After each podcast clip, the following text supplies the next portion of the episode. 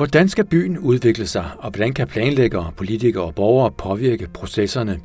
Skal de store forandringer af byen underlægges en anden demokratisk form end den, vi kender i dag? Stemningen er spændt, og der er fyldt til sidste plads, da byens salonger byder ind til debatarrangementet Byen, Borgeren og Vandsalamanderen. Københavns nok mest omdiskuterede projekt, Fælledbyen på kanten af Amager Fælled, er selve afsættet for debatten. Det er et byggeprojekt, der for alvor deler vandene, ikke mindst fordi det sætter fokus på, hvordan byudviklingen skal ske, ja, eller ikke skal ske fremover. Lige nu er byggeriet stoppet, og kranerne står stille, mens planklagenævnet behandler de spørgsmål, som Miljøloven har rejst. Og opbremsningen har givet en tænkepause for både byggefolk, politikere og borgerne. For hvad er læren fra processerne omkring fælledbyen, der kan anvise nye veje? Med til at diskutere det vigtige tema er to af hovedpersonerne i det netop overståede københavnske kommunalvalg, kommende teknik- og miljøborgmester Line Barfod, samt kommende overborgmester Sofie Hestop Andersen, som åbner for, at hun gerne vil have mere borgerinddragelse, når byen får en ny kommuneplan. Jeg vil gerne sige, at jeg er for, at vi bliver bedre til, og når vi skal lave den næste kommuneplan, at vi tidligere inviterer borgerne ind. Vi hører også Knud Erik Hansen fra foreningen Amagerfællets Venner, samt Anne Skovbro, direktør i By og Havn, og Anne-Katrine Harders, programleder og Ph.D. i byudvikling fra Dansk Arkitekturcenter. Hun peger på, at Amager Fælledby indskriver sig i en større debat. I virkeligheden så tror jeg faktisk, det handler om, at vi har set byen udvikle sig sindssygt meget øh, og, og sindssygt hurtigt. Og lige pludselig begynder vi at tænke, hvem fanden er det egentlig, der tjener penge på mine værdier? Endelig deltager direktør og rådgiver Johan Gerster fra konsulenthuset We Do Democracy også. Han vil fokusere på, hvordan borgerne kan inddrages tidligere i processerne. Det er rigtig, rigtig godt at være engageret i en sag.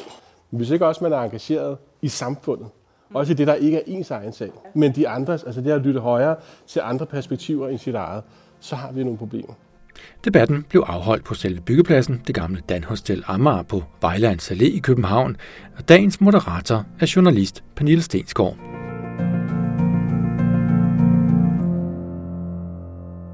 Byudvikling er jo kommet ekstremt højt op på dagsordenen. Jeg kan huske dengang, vi diskuterede, om enkelte bygninger var pæne eller grimme. Altså busterminalen på Rådhuspladsen Herre du milde Gud, ikke? det er jo ingenting i forhold til, hvad vi står med i dag, hvor tingene er blevet meget kompliceret, og der er kommet nye stridsspørgsmål, der er kommet klima, der er kommet miljø, der er kommet boligpriser især, øh, der er kommet bæredygtighed, der er kommet dyrearter osv.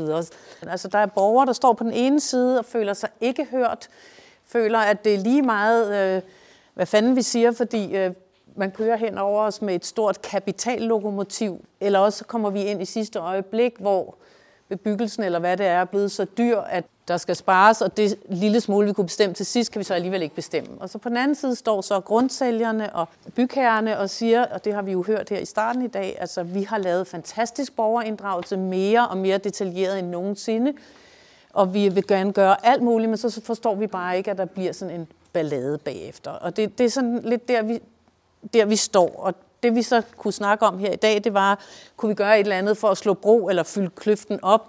Eller, eller er der noget, der skal skrives om? Skal hele drejebogen for byudvikling og nybyggeri egentlig skrives om på en eller anden måde, så vi ikke øh, står i det her konfliktområde, som vi står i i dag helt konkret. Der kunne jeg godt tænke mig lige at køre en hurtig runde, hvor jeg stiller det helt enkle spørgsmål, nemlig hvor går det allermest galt efter din mening i den her proces? De kommer fra mig fælles venner. Nogle af jer kender mig også som formand for Danmarks Naturfredningsforening i København, men her optræder jeg som fælles venner. Grundlæggende tror jeg, at det kører galt ved, at man ikke tager højde for, at øh, spørgsmålet om natur har skiftet karakter. Der er et helt andet engagement. Vi har haft 90'erne, 80'erne og 90'erne, hvor, hvor bevægelser stort set var døde mm. ud. Mm. Nu er vi kommet til en, en situation, vi har en klimakrise, vi har en, en naturkrise, og det reagerer folk rigtig meget på. Så det vi oplever i dag, er et engagement for sagen. Altså. Og folk engagerer sig ikke kun for deres egen have, de engagerer sig for mm. en sag, og det er rigtig stærkt. Og så har vi fået de sociale medier også, som gør, at det er, det er en anden måde at organisere sig på. Man kan, man kan gøre en gruppe rigtig stærk, og det, det oplever det, vi har, vi har, vi, vi, har, vi, har, vi har set her også. Johan, hvor går det allermest galt efter din mening, i, sådan som det er i dag? Det er rigtig, rigtig godt at være engageret i en sag. Men hvis ikke også man er engageret i samfundet, også i det, der ikke er ens egen sag, ja. men de andres, altså det at lytte højere til andre perspektiver end sit eget, så har vi nogle problemer, som, er, som går hen og bliver en større demokratikrise. Og så er jeg faktisk endnu mere bekymret for demokratiet, end jeg er for, for naturen. Og så er jeg faktisk endnu mere bekymret for, hvad vi mennesker gør ved hinanden. Og det er faktisk der, hvor jeg tænker, det er den, der lige nu, i hvert fald den øh, kommunalkamp, vi har været igennem, og igennem det forløb, vi har i byen, det samtalerum, vi har, skal vi simpelthen øh, ind og skabe nogle nye rum, fordi de rum, vi har haft på tidligere måder at lave samtaler på, er eroderet. Det vil sige, du siger, at det er fordi, der ikke er den opmærksomhed på naturen, som den nu kræver. Du siger egentlig, at særinteresser er det største problem.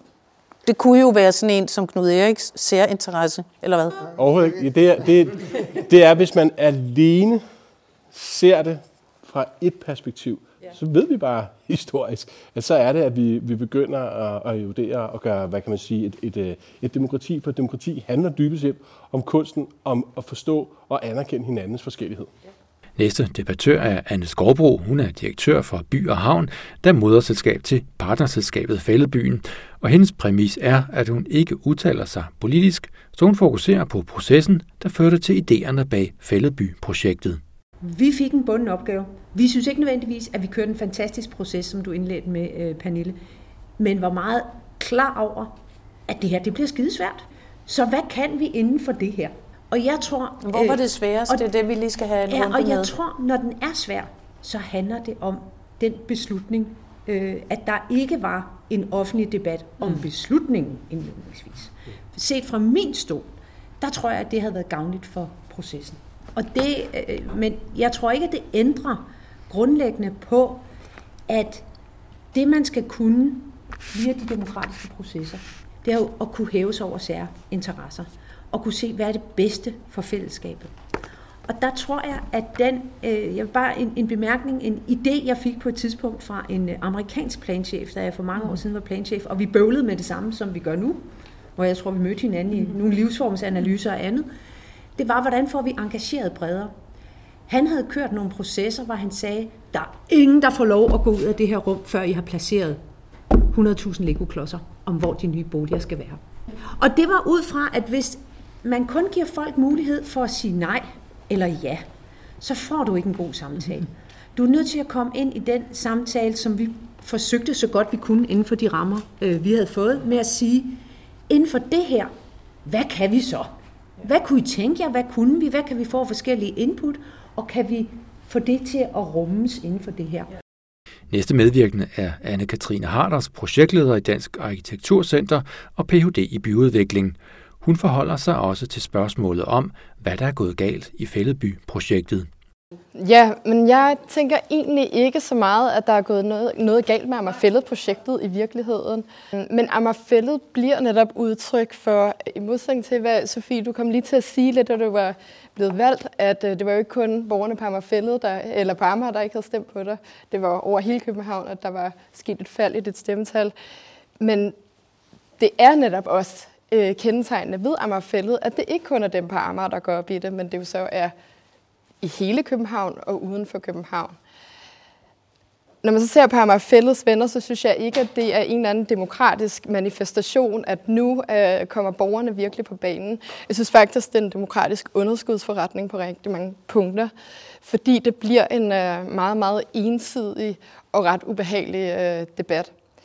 Så, øh, så hvis jeg skal sige, at der er noget, der er gået galt, så tror jeg måske, at øh, dem, politikerne, der kom før jer, ikke har været hurtigt nok til at se, hvad der var på vej. Og, øh, præcis. Og så bliver Amager Fælles venner, og den debat bliver som et udtryk for den øh, frustration, der er, øh, mere end at det bliver sådan en genrejsning af demokratiet. Men så det, der egentlig gik galt, det var, at politikerne har ikke forstået, hvor vigtigt det er med naturen, vandsalamanderen, at komme tidligere ud jeg tror i virkeligheden faktisk for de fleste, øh, at det ikke handler om, at øh, ingen af os havde hørt om en vandsalamander eller en spidsnud frø før. Og, og de færreste af os har faktisk været herude. Og så kan man sige, jo, vi er blevet mere bevidste om naturen, biodiversitet osv. I virkeligheden, så tror jeg faktisk, det handler om, at vi har set byen udvikle sig sindssygt meget øh, og, og sindssygt hurtigt. Og lige pludselig begynder vi at tænke, hvem fanden er det egentlig, der tjener penge på mine værdier? Det er min værdi, jeg kan stå ude på Amagerfællet, og så er der nogen, der tjener penge på det. Og, og der bliver det uklart, hvad by og havn så for en størrelse, fordi de går der og sælger til højstbydende. Så jeg tror, øh, jeg tror igen egentlig ikke, det handler så meget om Amagerfællet, for nogen måske. For de fleste af os, så handler det bare om, at, at, øh, at vi, vi er ved at miste noget, som er uerstatteligt. Og det er den følelse, som øh, politikerne måske ikke har været hurtige nok til at, at gribe.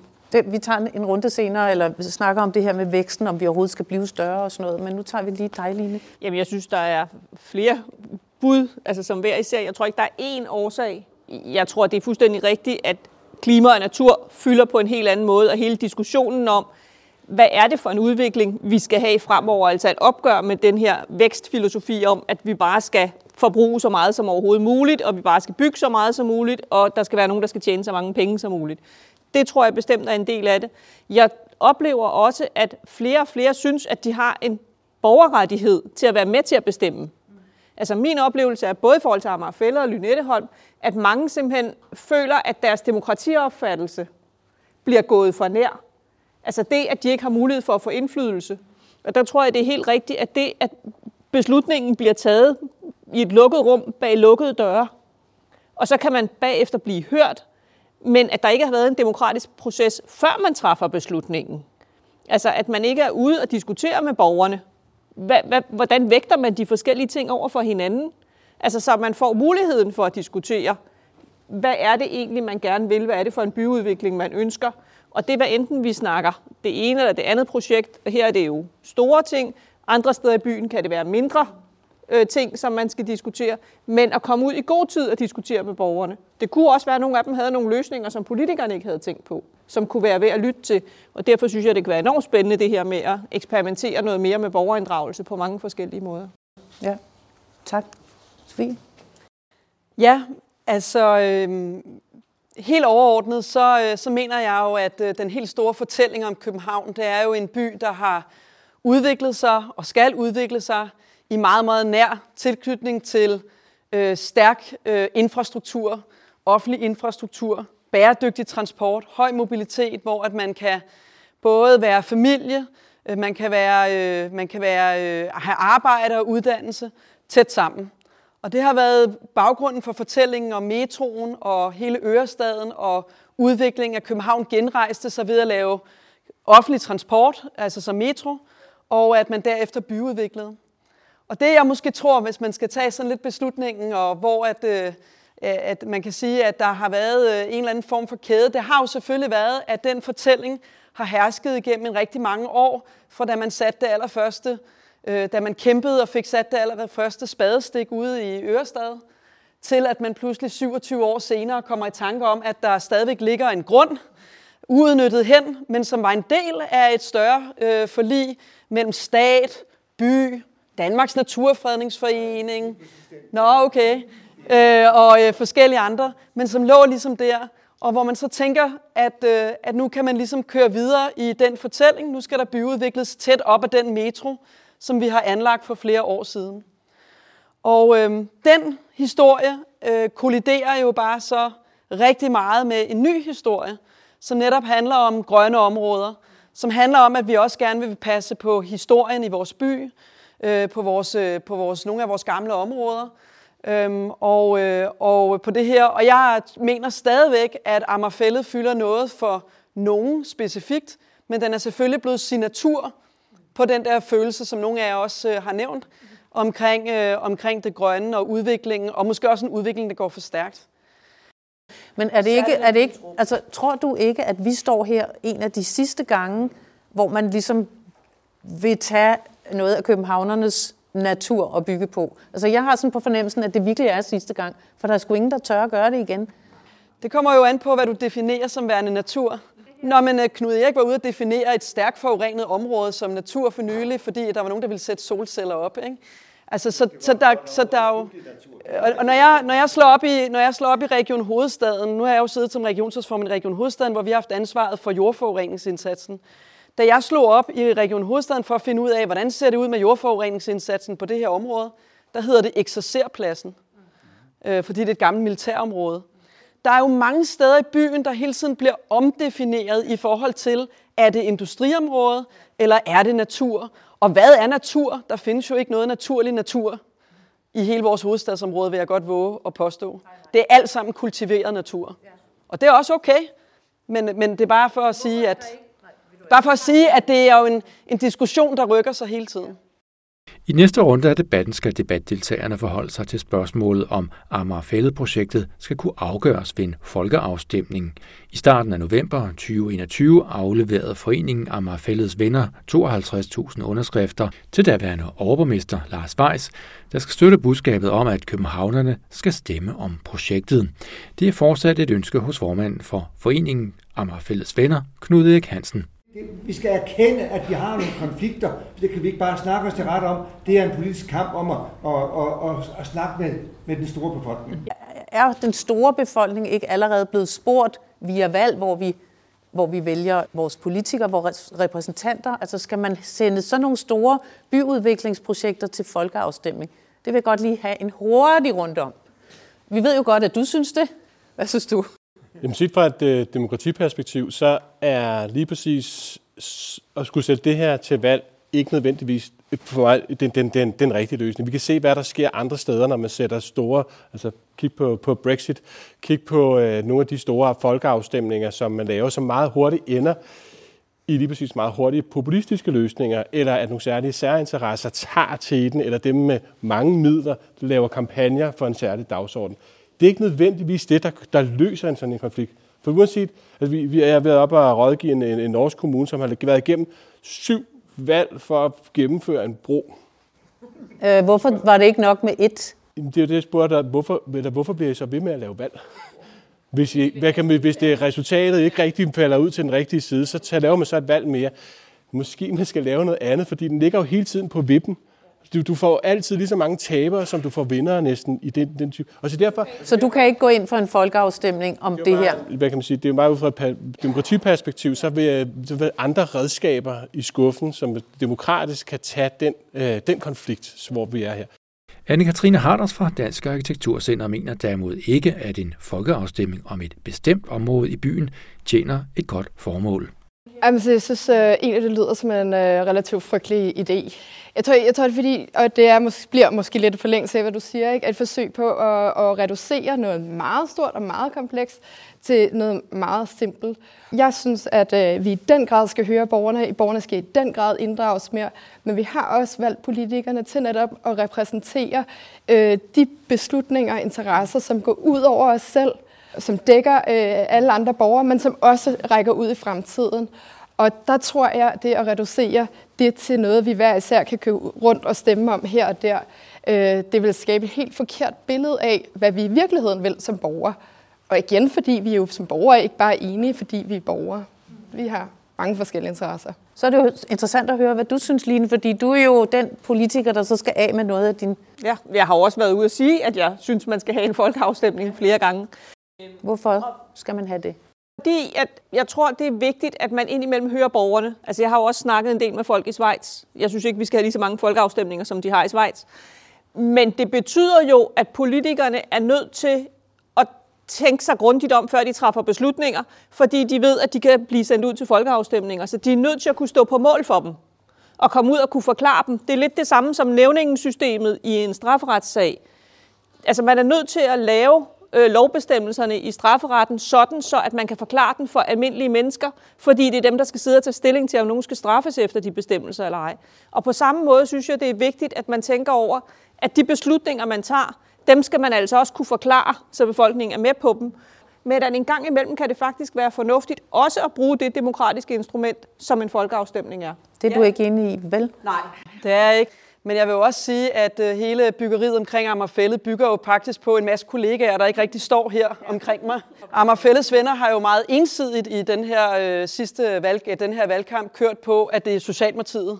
Og det er vores skyld, at der overhovedet bliver bygget, og øh, mig personligt nærmest, øh, skulle jeg hilse at sige. Og, og det, det er måske et lidt forkert billede, og det bliver sådan lidt stillet op ved, at jeg så også dukker op uden nogen andre. Men vi siger det ud til hele salen. Der er flertal for byggeriet i borgerrepræsentationen. Men der er stadigvæk et flertal for byggeriet i borgerrepræsentationen, og det skyldes jo blandt andet også, at nogle partier, der ellers er meget, meget skeptiske, faktisk gik ind i rummet og sagde, jamen, hvis det her skal ske, så gør vi det på nogle betingelser. Og jeg synes faktisk godt, man kan sige, at nogle af de partier har været med netop til at gøre, at nogle af de betingelser, som Anne nu har arbejdet efter i by og havn, øh, de er blevet mere grønne, de er blevet bedre, også af, at man lyttede til nogle andre. Og, øh, og derfor så, øh, så synes jeg også, at, at, at det at lave en folkeafstemning på et tidspunkt, hvor lokalplanen er vedtaget, og hvor vi egentlig af, hvor vi sidder nu og afventer planklagenævnet, om vi så har gjort vores arbejde godt nok, det er jo spændende. Men, men, øh, men det synes jeg er en mærkelig situation at bringe, også politikerne i, og i øvrigt de mennesker, som skal bygge, og som har købt nogle grunde og er i gang med at planlægge. Og det er i hvert fald opskriften på lige nu, hvis man gjorde det nu, at, øh, at sige til alle andre, der gerne vil noget i den her by, at øh, I kan ikke føle jer sikre på, at det her bystyre, de rent faktisk øh, øh, kan lede igennem også de steder, hvor, hvor, hvor det er svært. Så jeg synes, det er en dårlig Jeg vil gerne sige, at jeg er for, at vi bliver bedre til, og når vi skal lave den næste kommuneplan, at vi tidligere inviterer borgerne ind, at vi præsenterer dem for nogle dilemmaer, at vi prøver på at tage både den, den, den, den, den brede diskussion om byens udvikling, men selvfølgelig også den svære. For jeg har hørt rigtig mange i valgkampen sige, men kunne vi ikke bygge alle mulige andre steder ind i København? At det et, eller andet skal de jo, et eller andet sted skal de jo være. Altså, vi kan godt lave en helhedsplan for København, og vi kan, men, men der er også noget, der hedder, hvad er det for en samtale, vi har i hele hovedstadsområdet, om infrastruktur og byggeri. Og det har du faktisk også sagt noget om, nej, nej, Line, det her med, at, at, at man kunne øh, få plads til flere mennesker ude i forstederne, fordi byen er ligesom fyldt. Men de vil ikke, de vil ikke have dem. De vil ikke have dem. Det vil jeg bare nødt til at sige. Jamen, der er ingen, der vil have nogle nye, så vi må holde op med at få børn. Nu skal vi ud til folket i salen. Men mange af de tusindvis og er der tusindvis af københavnere, som ønsker, at den byudvikling, som har været i mange år, skal fortsætte. De kommer ikke til ord i det her, for de siger, det er ikke, altså så meget går jeg ikke op i, at jeg gider involvere mig i et enkelt konkret sag, men jeg går derop i, at jeg er glad for, at jeg har fået metro. Jeg er da glad for, at man har øh, sat bygninger i stand, og alle de ting. Øh, og der tror jeg bare, at man glemmer i sådan nogle sammenhæng her, hvis man tog det her problemstilling med den konkrete sag her, og tog til Jylland, jamen, så tror jeg bare, at mange vil korse sig og sige, at det her det er jo et rekreativt område, ligesom, det er jo ikke et naturområde. Glemmer man ikke de mange mennesker, som, som måske ikke engang er her endnu, men som skal bo i byen om 5, 10, 15 og 20 år. Det var et spørgsmål til dig, der er demokratiekspert. Hvordan kunne man gøre det? For vi kan ikke, jeg synes ikke, man kan have folkeafstemning om alle mulige småsager, hist og pist, og det man kan sagtens, eller sagtens, man kan godt finde 10.000, der er mod et eller andet her og der osv., men vi er jo nødt til at sige, hvad er det, der er det større perspektiv, samtidig med folk får deres uh, word to say, hvis man kan sige, ikke også? Super kort svar. Det er helt rigtigt, hvad hedder det, og der, hvor kan man sige, Line anerkender den kraft, der bor i at lave en folkeafstemning, og dermed den samtale, der skal være omkring det. Det er bare stillet tvivl til, det er om folke, den der binære ting, der er en folkeafstemning, om det er det rigtige til komplekse problemer. Og så det næste problem, som du øh, adresserer her, som jeg også vil, vil svare på. Altså, vi har som, øh, som demokratirådgiver uafhængig, vi holder ikke med nogen. vi holder med demokratiet. Jeg laver en, øh, er blevet bedt om at prøve at kigge på, hvordan kan man designe en borgersamling. Altså, den deliberative proces om, den, om, om, om Lynetteholm, og den komplekse udfordring er der. Og det, som vi har oplevet der, er, det vi har oplevet, det er jo, at vi også bliver troet. Altså som uafhængige rådgiver, private virksomheder, der, der faktisk prøver at understøtte en proces, og må, må politianmelde trusler mod os. Og det er som det er. Men det, det er jo selvfølgelig et kæmpe problem, fordi pludselig får vi rådgiver, der ikke tør at gå ind og være med til at lave bedre løsninger. Men vi får også borgere, der bliver bange jo, vi, bliver borgere, vi, bliver, vi, vi får borgere, der er bange for at være med i debatten. Og hvis næste skridt er, at når vi skal ud og invitere københavnerne og Storkøbenhavn og så videre med i den her borgersamling, og borgere ikke tør være med i rummet, fordi der foregår trusler, og fordi debatniveauet er sådan der, så har vi et rigtigt demokratisk er der nogen af jer, der har en rigtig, rigtig skidegod, konkret idé, som vil betyde, at folk ikke bliver så skrubfrustreret, kommer ind for sent, eller mangler forudsætninger, eller jeg ved ikke, hvad der er galt. Altså, hvor er det, at den her drejebog helt nøjagtigt skal skrives om? Nu tager jeg lige Line først. Jamen altså, jeg tror, noget af det er det her med at eksperimentere meget mere med at bruge borgersamlinger og borgerting. Og især med det her, som du så ikke sagde så meget om, med at politikerne på forhånd skal forpligte sig til, ikke at man følger det, der bliver sagt, men at man behandler det. Altså, at man tager det ind og diskuterer det og har den åbne debat om, hvorfor er det så, man ender med de beslutninger, man gør. Så synes jeg, det Sofie foreslog med i forhold til den kommende kommuneplan, at sige, kan vi finde en måde at inddrage borgerne i at diskutere de dilemmaer, der er? Altså så at man ikke stiller det op bare, her er nogle forslag, I skal sige ja nej til, men sige, vi sidder simpelthen med de her dilemmaer. Hvad skal vi gøre? Kom med nogle bud, hjælp os med at diskutere det. Og så lytter vi til, hvad det er. Ikke nødvendigvis igen, at vi følger det, men vi lytter til, hvad er det egentlig, borgerne har af holdninger i forhold til det. Det er både den helt lille med, lige nu skal der placeres et botilbud for psykisk syge ude i Vandløse. Det vil naboerne ikke have. Det er jo ofte et problem. Hvad gør vi? Hvordan håndterer vi den type dilemmaer rundt om i byen? Det er den store her om, hvordan vægter vi natur i forhold til, øh, vi skal have bygget. Der er masser af dilemmaer, som vi skal ud og diskutere med borgerne i god tid. Også Anne-Katrine Harders fra Dansk Arkitekturcenter mener, at borgerne skal være med på, at byen ikke er en statisk størrelse, at man ikke kommer udenom fortsat at udvikle byen.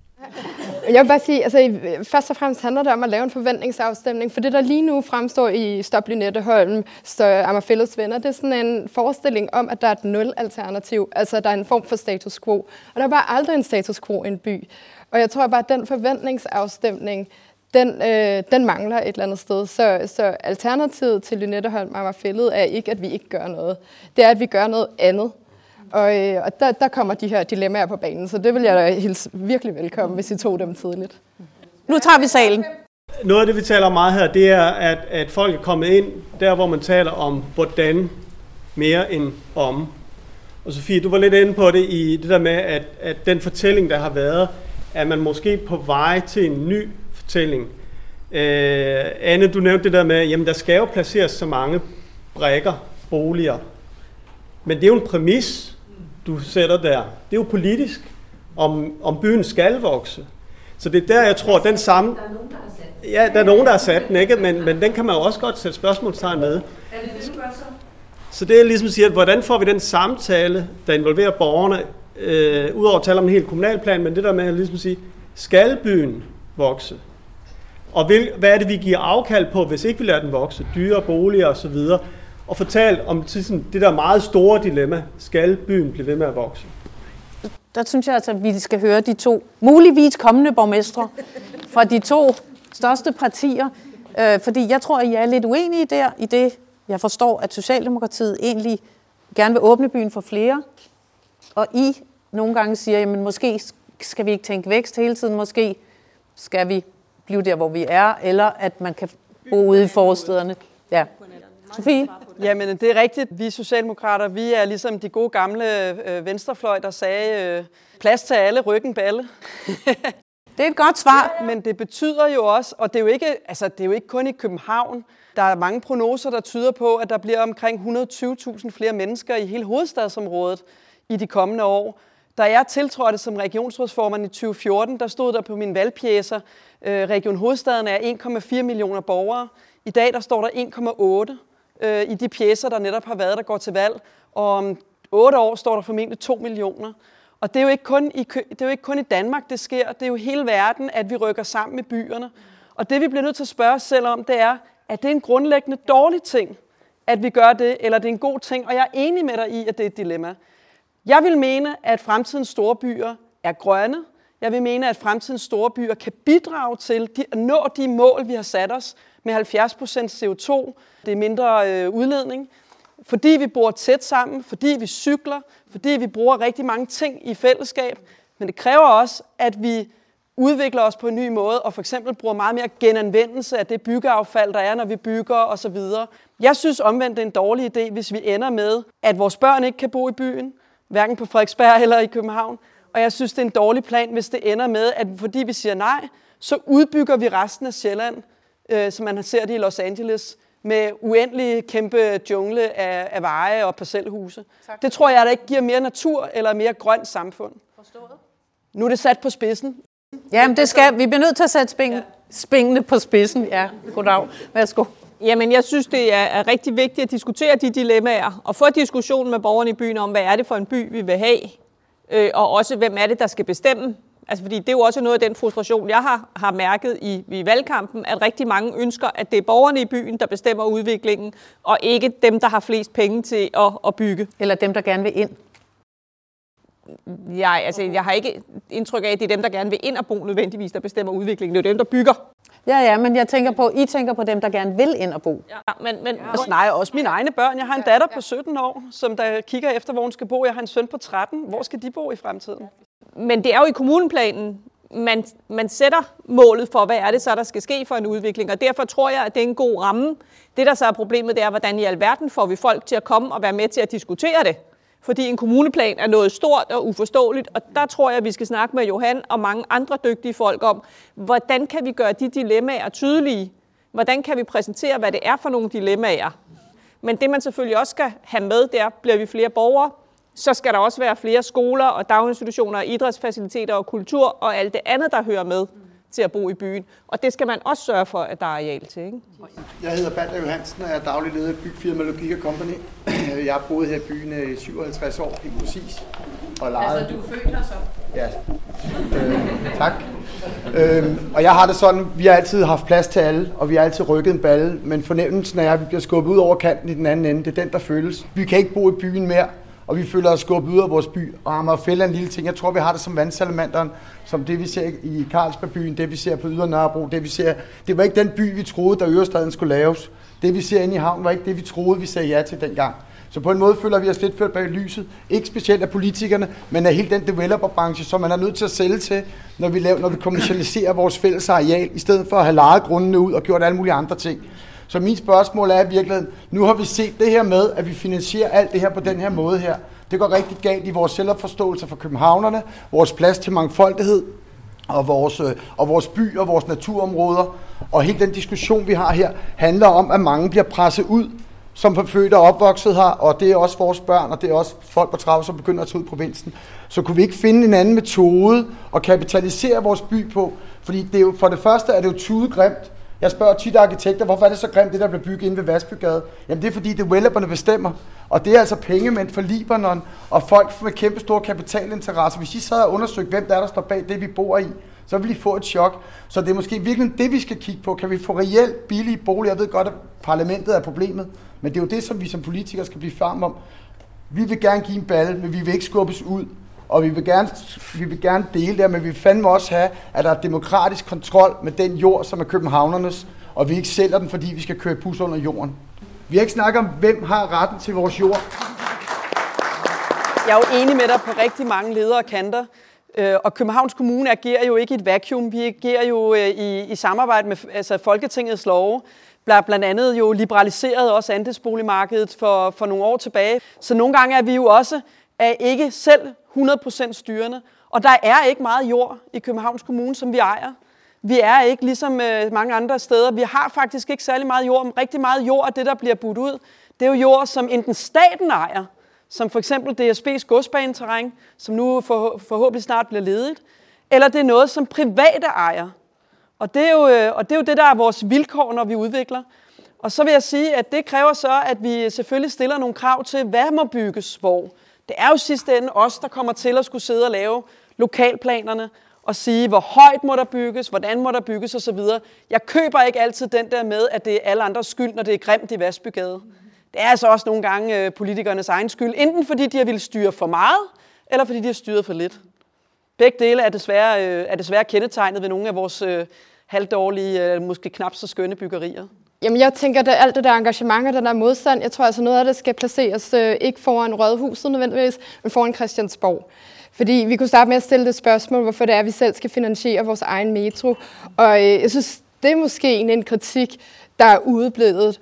Og, øh, og det er måske i højere grad den, vi skal have. Så kunne det være, at det så anderledes ud. Jamen, jeg er jo fuldstændig enig i det, du siger, Balder. Og jeg mener godt, at man som politiker i København kan sige, at vi vil gøre tingene på en anden måde. Vi kan jo starte med at sige, at vi ønsker at by og havn.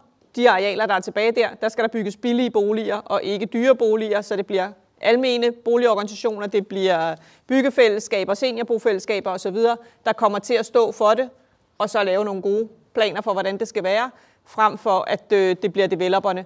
Og det kan man jo beslutte, hvis man vil. Så er det klart, at staten har en vetoret, der kan sige nej. Men jeg tænker, at hvis der kommer et stort flertal i Københavns Kommune, så kunne det jo godt være, at man kunne være med til at påvirke Christiansborg.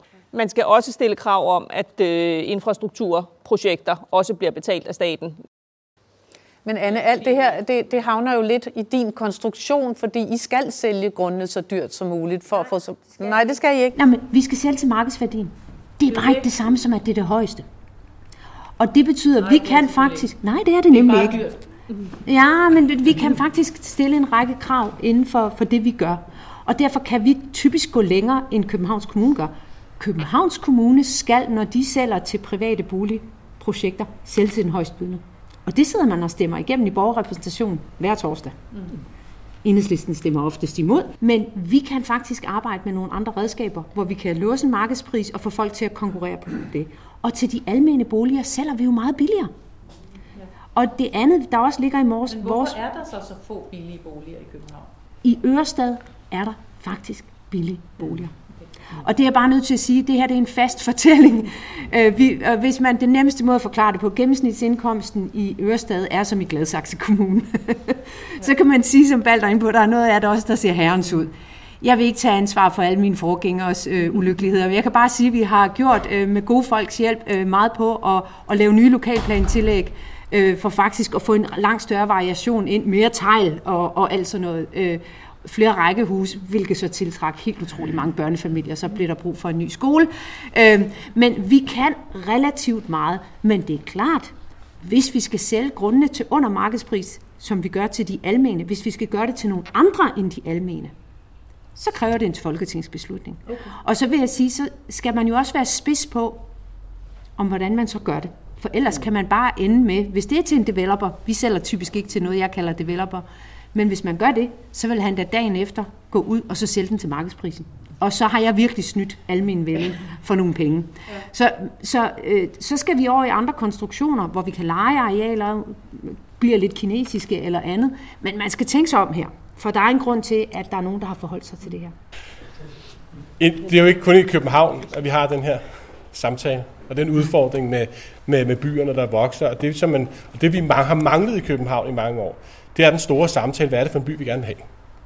Hvor det ikke er fløje, hvor det ikke er grupperinger, men det, man arbejder med i andre store byer, det er jo de her store citizen assemblies, hvor, hvor, det, øh, hvor man har tiden at prøve at perspektivere, og hvor der også lige præcis er et mandat bundet med det til det, så man faktisk skal reagere på det på rådhuset. Det er hele den øvelse, det vi mangler se på den globale, hvad er det, man arbejder med der, for vi er jo heldigvis, vi er ikke den eneste store by, der har ramt af lige præcis de her udfordringer. Og det er med til at tage ventilen af luften ud, og med til at skabe meget klogere politiske beslutninger, hvor lokalplaner pludselig begynder at blive øh, holdt op imod, hvad er det, man som borger oplever er de vigtige ting at putte med i det her. Og så har vi i København lokaludvalg. Men det lokaludvalg, hvis man skal kigge på det rent med, med, med et demokratiperspektiv, som skulle varetage Vasbygade skulle varetage, som har været lidt stagneret i mange år. De er ikke, de er ikke voldsomt repræsentative, fordi de er valgt på baggrund af foreninger og så videre, der, men vi har ikke det foreningsliv længere i København, så vi, vi, vi tror også, vi har nogle formater i byen, der skal understøtte og hjælpe, at vi som borgere faktisk bliver hørt i de her processer. Og det sidste er lokalplaner, hvor man i borgerrepræsentationen kan lave protokolbemærkninger til lokalplaner, fordi man faktisk gerne vil en særlig retning for byen. Men når det ikke står nede i lokalplanen, det er sådan noget teknisk, så, kan, så er der ikke noget at gøre bagefter. Så kan developeren køre lige præcis den retning, han vil. Mm. Så vi, har nogle, vi tror, vi har nogle strukturer, mm. altså øh, styreformsystemer, der skal løse det her. De virker faktisk ikke i hverdagen. Og det er vi nødt til at gå ind og kigge på, hvordan kan vi både på makroniveau og på lokalplanniveau og nede på lokaludvalgniveau gentænke og redesigne måden, så vi faktisk får det, vi gerne ville med de formater, vi skabte i gamle dage. Det sagde rådgiver Johan Galster fra We Do Democracy. Næste debattør er Knud Erik Hansen fra Ammerfælles Venner. Øh, det, der er sket, det er, at vi faktisk gået væk fra det, der var den gode, gamle, traditionelle planlægning. Det var den gode by, hvor vi planlagde byen for mennesker, øh, for de funktioner og det liv, der skulle være i byen. Det, der er sket de sidste tre årtier, det er, at der er en overliggende interesse, der er kommet ind, og det er investorerne. Så, så vi præget, vores byer er rigtig meget præget af, at der er nogle investorinteresser, og det er deres kasser, der skal trives. Og det er det, der præger byen. Vi kan altid se de der ekstra etager, der kommer på. Vi kan se, hvordan det er blevet tæt. Og vi kan se, hvis vi tager de grønne områder, hvis vi går op og siger, hvis de grønne områder skulle være fuldt med byudviklingen de sidste 10 år, så skulle der have været udlagt 360 hektar der er stort set ikke lagt noget nyt grønt område ud. Ja, jeg vil sige en ting. Jeg tror, det er rigtigt, flere af jer siger, det med det demokratiske underskud. Jeg vil godt sige til Johan, jeg synes, at det er rigtig, rigtig spændende med de her borger øh, ting og borgersamlinger. Men jeg tror ikke, at der er én model, der kan det her.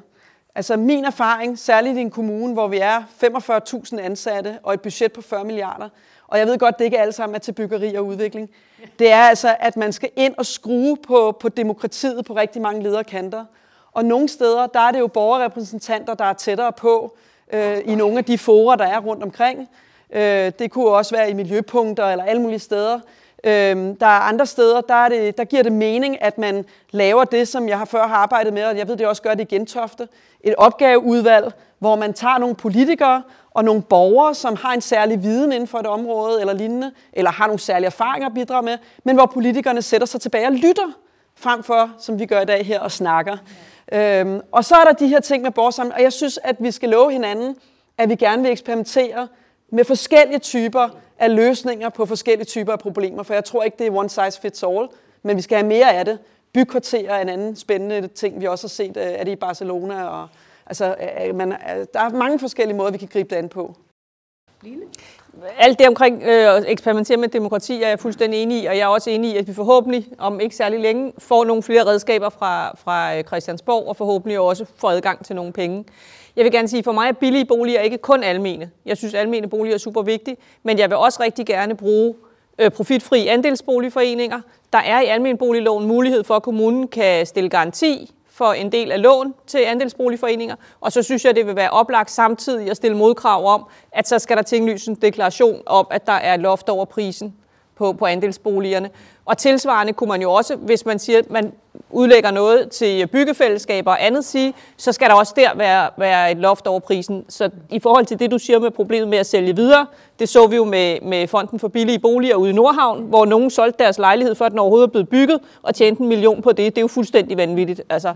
Og der skal man sørge for, at der er tinglys noget, der gør, at det kan man ikke. Så man kan lave billige boliger på flere måder, og jeg tror, det er rigtig vigtigt både at se på, på pris og, og også, som jeg sagde før, at se på, hvad er det for en type boliger, og det her med at have mindre individuel og mere fællesskab. Med ordet fællesskab, synes jeg simpelthen, at vi skal slutte denne aften på, her, på en høj note. Du hørte journalist Pernille Stensgaard runde debatten Byen, Borgeren og Vandsalamanderen af i debatserien Byens Salonger.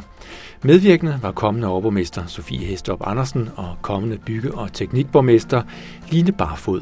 Du hørte også Knud Erik Hansen fra Foreningen Amager Fælles Venner, Anne Skovbro, direktør i By og Havn, Anne-Katrine Harders, programleder i Dansk Arkitekturcenter, og rådgiver Johan Gerster fra konsulenthuset We Do Democracy.